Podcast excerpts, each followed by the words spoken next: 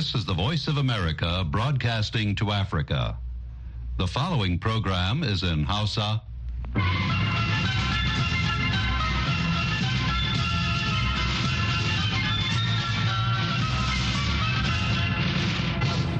Sashen Hausa na muryar Amurka ke magana daga nan birnin Washington DC.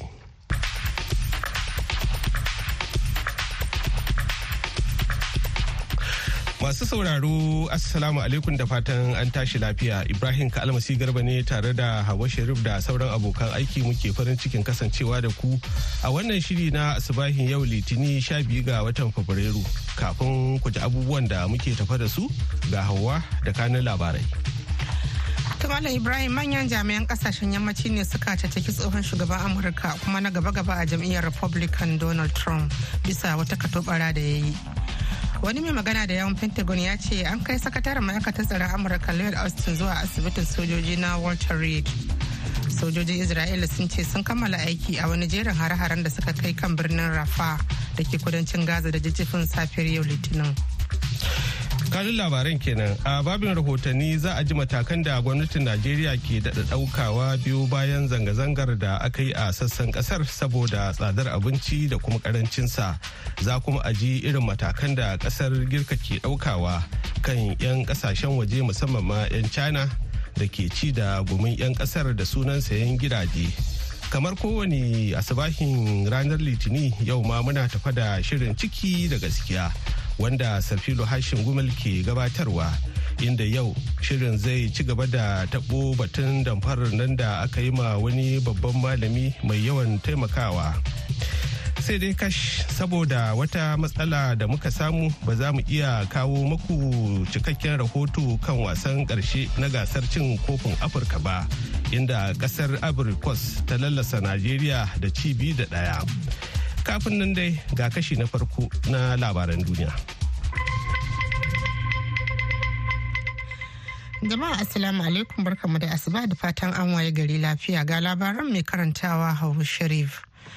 A ranar Lahadi manyan jami'an ƙasashen yammaci suka caccaki tsohon shugaban Amurka kuma na gaba-gaba a jam'iyyar Republican Donald Trump bisa katobarar da ya cewa mai yiwuwa ne Amurka ba za ta kare kawayen ƙungiyar kawancen tsaro ta NATO ba waɗanda ya bayyana da cewa ba sa kashe isassun kuɗaɗen da ya kamata akan harkokin tsaron su ga mamayar da Rasha ka iya kai musu.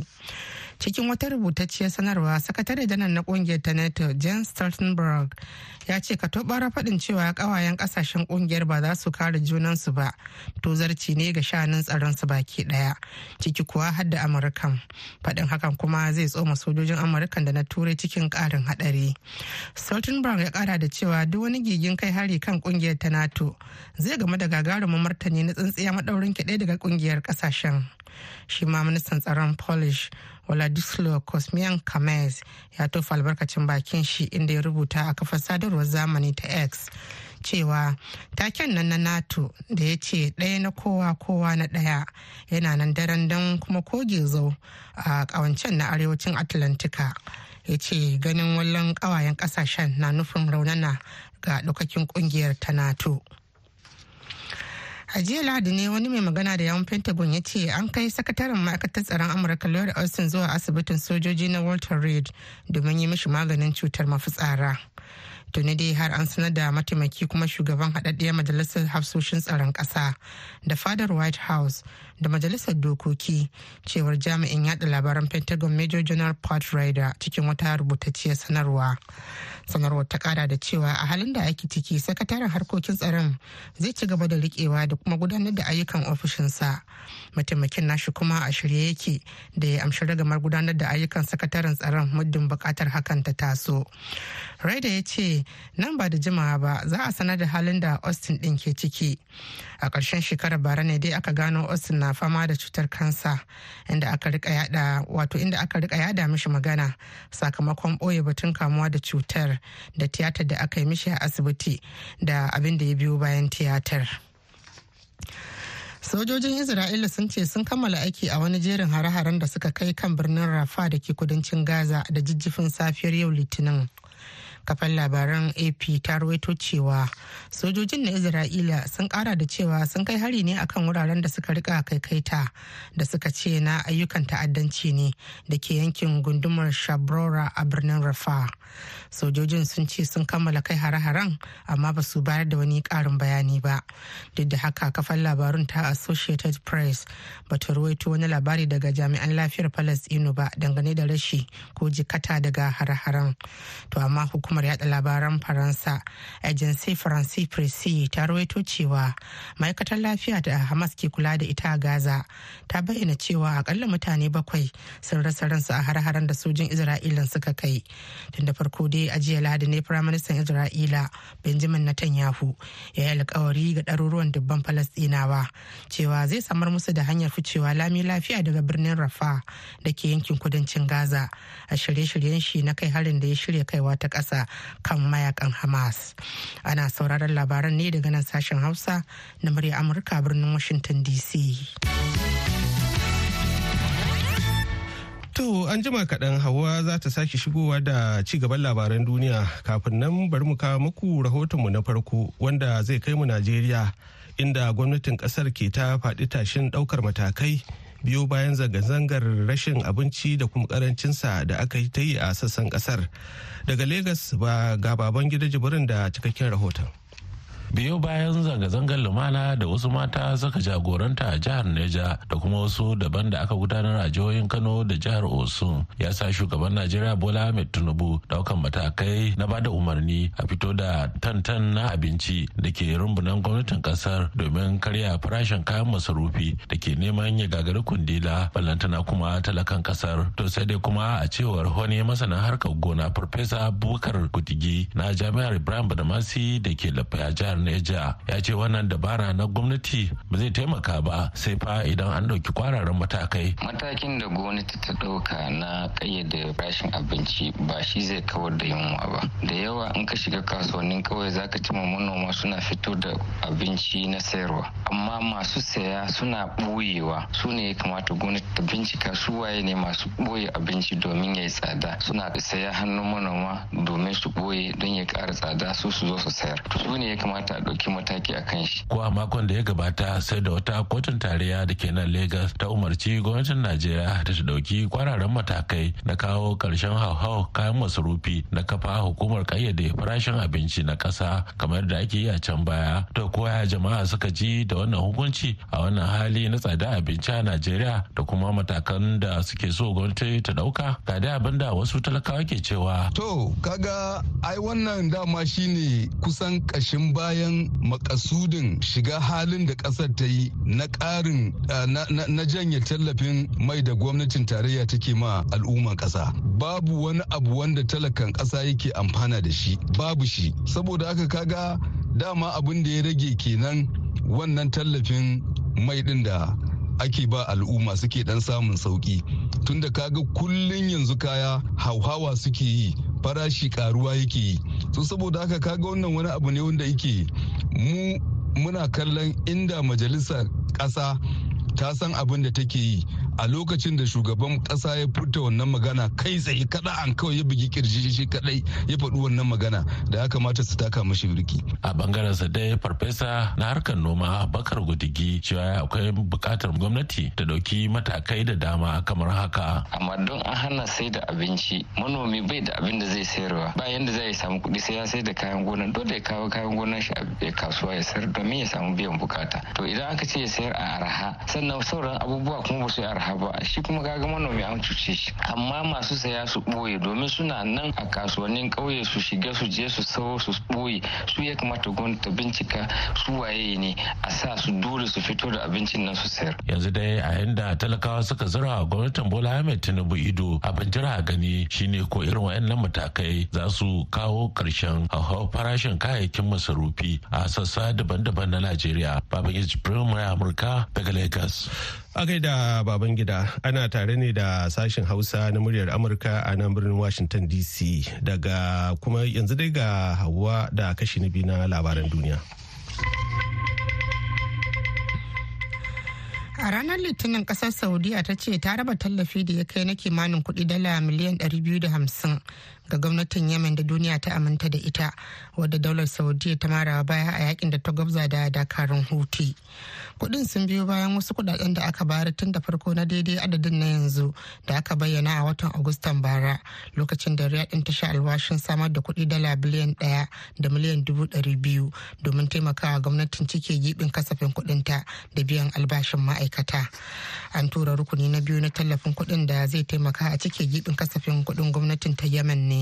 Zuwa babban bankin yemen da ke birnin adin da ya kai dala miliyan hamsin domin biyan albashin ma'aikata cewar jakadan saudi arabia a yemen muhammad aljabar ta kafar sadarwar zamani. Gwamnatin yamanawan ta yi ƙaura zuwa birnin adin da ke kudu da gabar ruwa bayan da 'yan huti da iran ke marawa baya suka ƙwace babban birnin ƙasar sana'a a shekarar 2014 a yau litinin ma'aikatar harkokin wajen indiya ta ce qatar ta saki tsofaffin dakarun ruwan indiyan su takwas da aka kama aka kuma yanke ma hukuncin kisa bayan da aka tuhume su da yi wa ƙasar isra'ila leƙen asiri.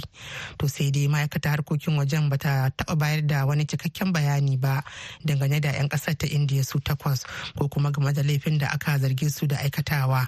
Haka kuma ƙasar ta qatar bata ce ufan ba dangane da shari'ar da aka gudanar ko kuma sana'ar wato ko kuma sanar da jama'a irin tuhumar da aka yi wa mutanen amma kafafen yada labaran indiyar sun ruwaito cewa mutanen waɗanda cikin su har da wani babban hafsan da ya taba samun lambar yabo da wani mai mukamin kaftin da ya taba jagorantar jirgin ruwan yaƙi an kama su ne a doha a watan agusta shekarar 2022 a watan oktoban bara ne dai indiya ta ce an kaɗa mata anta bayan da wata kota a ƙasar qatar ta yanke hukuncin kisa akan mutanen amma aka sassauta hukuncin a watan disamba bara.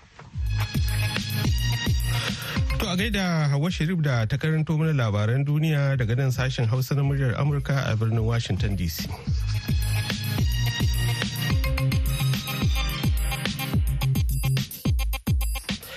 To yanzu kuma sai wannan rahoto na musamman na yadda gwamnatin ƙasar Girka ta fara taka birki ma 'yan China da ke ci da gumin 'yan ƙasar. Kasar Girka ta yi shelar bullo da wasu sabbin matakai don kare 'yan ƙasar daga akasari 'yan China masu sayan gidaje da sauran kadarori don su samu damar zama a yammacin duniya wani salo da ake wa lakabi da tsarin bizar zinari.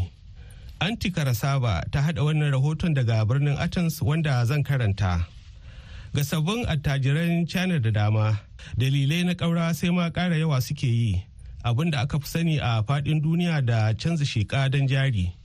A shekarun baya-bayan nan 'yan china sai ƙara kwarara suke zuwa ƙasar girka kuma hakan ya haddasa matsalar ƙarancin gidaje.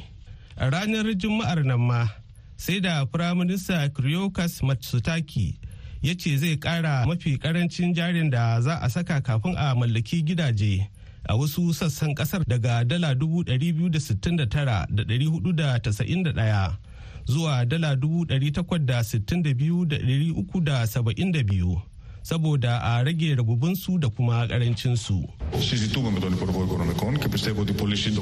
Firaminista Mitsotakis ya ce wannan wani babban ci gaba ne ga ɓangaren saka jari na ƙasar kuma bugu da ƙari wani muhimmin mataki ne da muke ganin zai kare darajar hada-hadar ƙasar abin da ya gaya ma 'yan majalisa kenan a zauren majalisar ƙasar.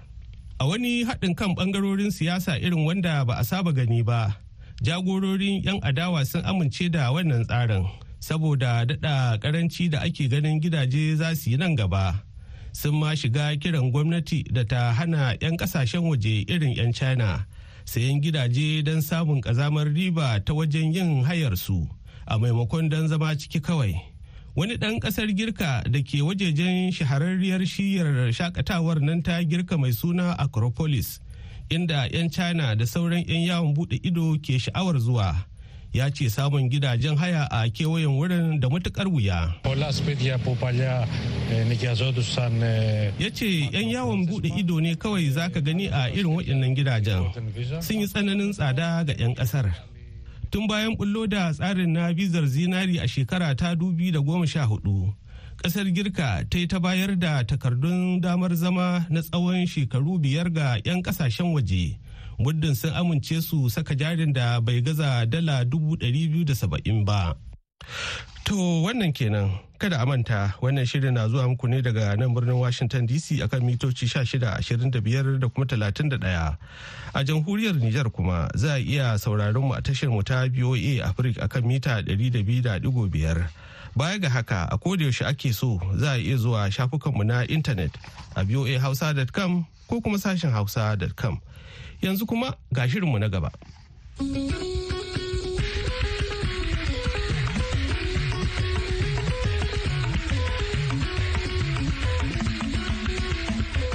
Jama'a salamu alaikum. Masu raro barkan mu da shirin ciki da gaskiya da har kullum kan bukarin take haƙƙin ɗan adam. A yau shirin zai ɗaura kan labarin shehun malamin Islaman nan da ya faɗa komar 'yan damfara. Ku biyo mu cikin shirin sunana Sarfil Hashim Kumel.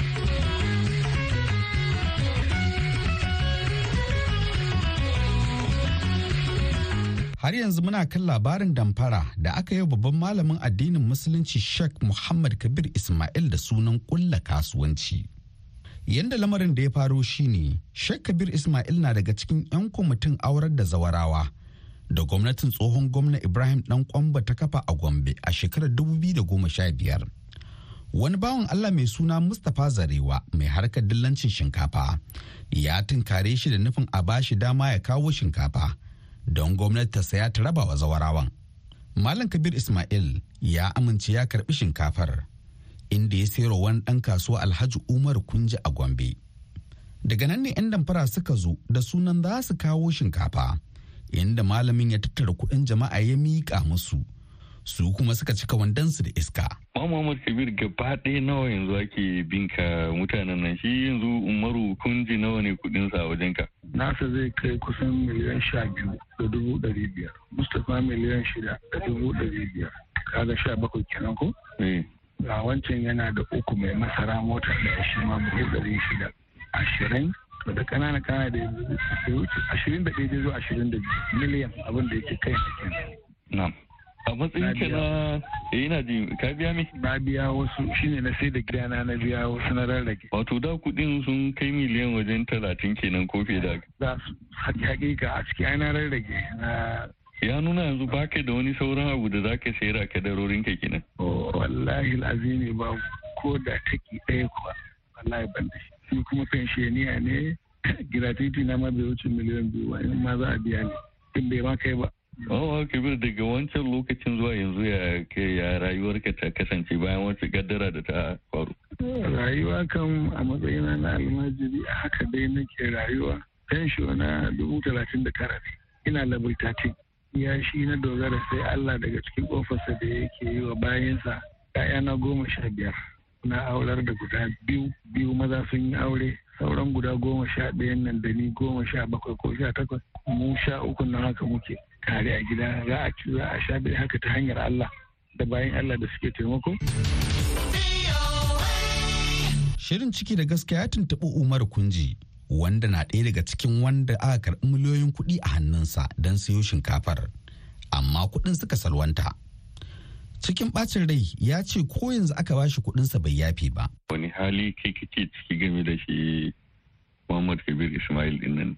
Ya kamata a ce ya gaya maka duk halin da ake ciki. Ya gaya min wato ma'ana adalci shine alhaji umaru dole mu tuntube ka. Ina jin ka nasiru. Ina jin ka nasiru. Eh shirun da kai haƙuri kai ne gaba ɗaya ko kuma kana jiran duran da Allah ya hore masa ya biya ka kuɗin ka dai ba abin da zan ce. Alhaji umar kai kai halin gombe ne da kai ba ka gane ba? Ka ga wannan al'amarin? Eh. Babu abin da zan cewa wannan abun ko yanzu aka ɗauki kuɗin na aka bani babu abin da zan ce sai Allah ya isa amma Allah zai saka mini yanzu a ɗauki kuɗin a bani ba abin da zan ce sai Allah sai ya saka mini abin da aka yi mini kawai shi kawai abin Alhaji Umaru kamar ranka yana ɓace ne har yanzu. Ya wuce ba a ɓace Alhaji. Da zamba ne cikin aminci ban taɓa tsammanin Kabiru zai nuna abin da ya min ba.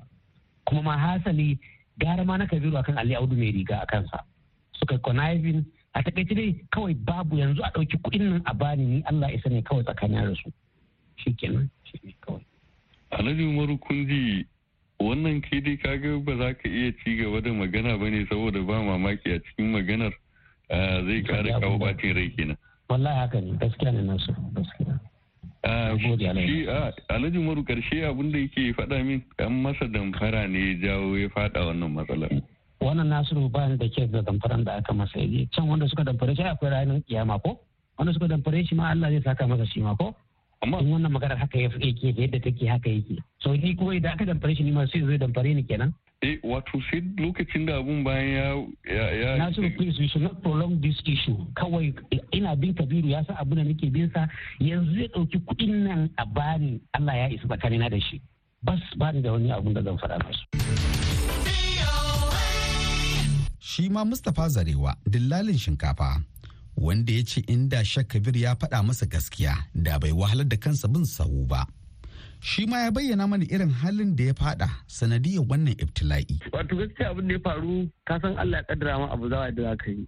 Kowa gaskiya ba ne. Haka ne Mustapha. Na sa ya wani sunansa kwamar da nake ce masa mutum ina ne. Hmm. Yamin hanya za a kai shinkafa za a aure da zaurawa gashi gashi gashi ya kira ni yake kaji kaji kaji da ce kasan kuɗi na ban da kuɗi gaskiya ita saboda a lokacin na je na yi wata asara a Legas wajen miliyan biyu da wani abu to da bai gida na na gaya masa ce kaji kaji shinkafa ake so abu ne a to ai sai duk abin da na gani ko trailer na sai zai a kai mutuwa ne wajen ne tabbatar da gaskiya abu ne ba matsala. Na kiyar da sai ina da ake ce gashi da irin auren zaurawa mun na kai a kano ihe da za su yi. Za a ba shinkafa za a shinkafa da taliya ai da magaroni da mai da masara da wake duka kaya za a kai. Ne to shi kenan ba matsala. Allah ya sa da rabon mu. Sai kya ne gida na buzu ne dan Nijar na gaya masa kaji kaji ta ba matsala. Tirla uku suke so a yanzu dai. To gaskiya gudu kuma Najeriya Allah dai kaddara ba zai gaba ɗaya wani da a Brazil in je in kai da ba kuɗi ya ba ne gaskiya. Oh wato kai ma kana da wani mai gida da yake baka kayan kenan. da gida ne a Nijar. Ai buzaye ne. Za ma suke ba mu kaya. Ko trailer nawa kake so yana bani na sha kaiwa Abuja. Wani tumaci price abin Allah ya kaddara. Ni ba wani kuɗi suka mata da suka mata kafin nan. Kawai wanda za za mu kaiwa kayan ne? Su suka kita murmuna da ka baya biye da yana su suka san da shi da malam suka san abu da suka yi. To ka san ni ba na son zargi ne amma daga baya na gane cewa kawai dai malam gaba ɗaya shi ya shirya wannan rashin gaskiya. Saboda yadda muka ja kwamitin zarawa na wani akwai sakatare na kwamitin din garba kwami shi ne yake cewa ba su suka sa akwai letoci evidence da kuma ina da su dai. To duk dai na gane cewa gaskiya malam yake mulmularsa shi ya cutan ko ba ya cuta ba Allah masani.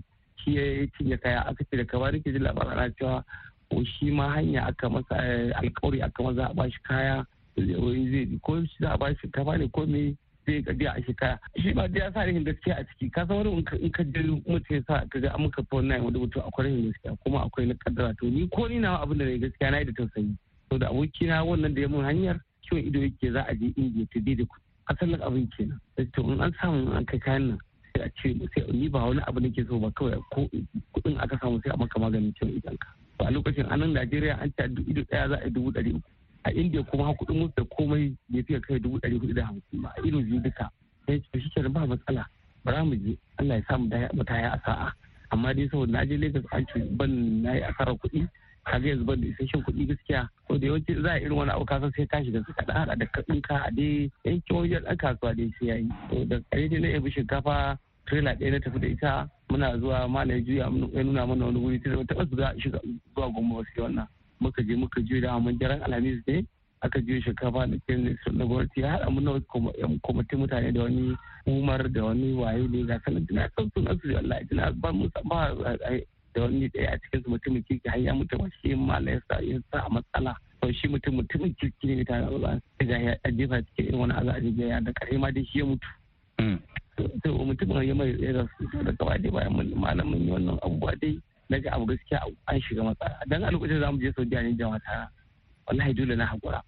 To ba da yadda a ce ga kayan mutane a hannunka da kuɗin mutane kuma ka tafi tafi saudiya sai da ce mata na kawai ke Allah ya kiya ni na fasa zuwa. Wallahi ta tafi asarin da ban je maka ma ke na haƙura har ya zama ban je maka muka haƙura. To su kuma wanda buzu mutum ne na Allah dinga gaya masa ya sani ko su magan da muka dinga yi da shi bai taɓa ja mai asara ko taliya ƙwaya ɗaya ba.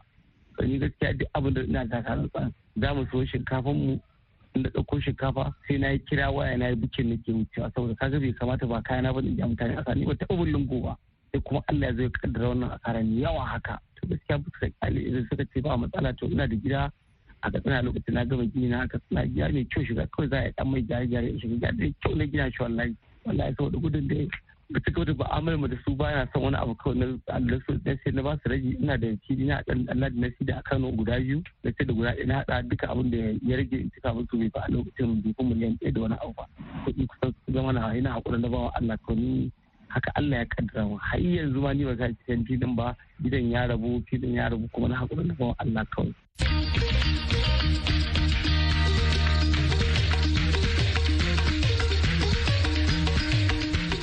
Allah ya kyauta. Masu waro kun dai je da lamari ya faru tare da addu'ar Ubangiji Allah ya buɗe malam hanyar da zai fitar da kansa daga cikin wannan kaddara ta afka masa. Idan Allah ya kai mako mai zuwa za mu kawo muku wani sabon shiri. Yanzu kan a madadin Nasir Adamu Ali Kaya da ya taimaka wajen kawo muku wannan shirin ni Sarfili Hashin Gumel ke cewa mu kasance lafiya. To a gaishe ka da tawagarka kafin mu ci gaba ga wannan saƙon.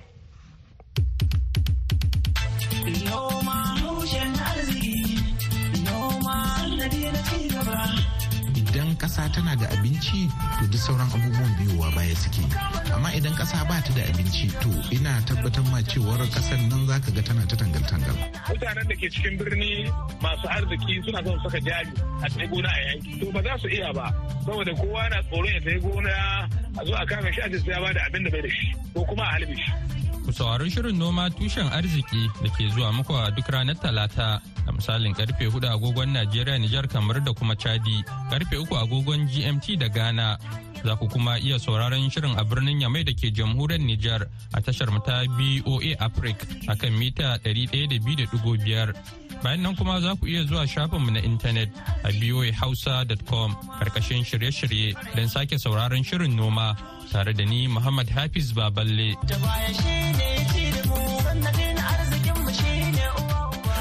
To da wannan kuma muka zo ga shirinmu na ƙarshe wato labarai an manfa a taƙaice.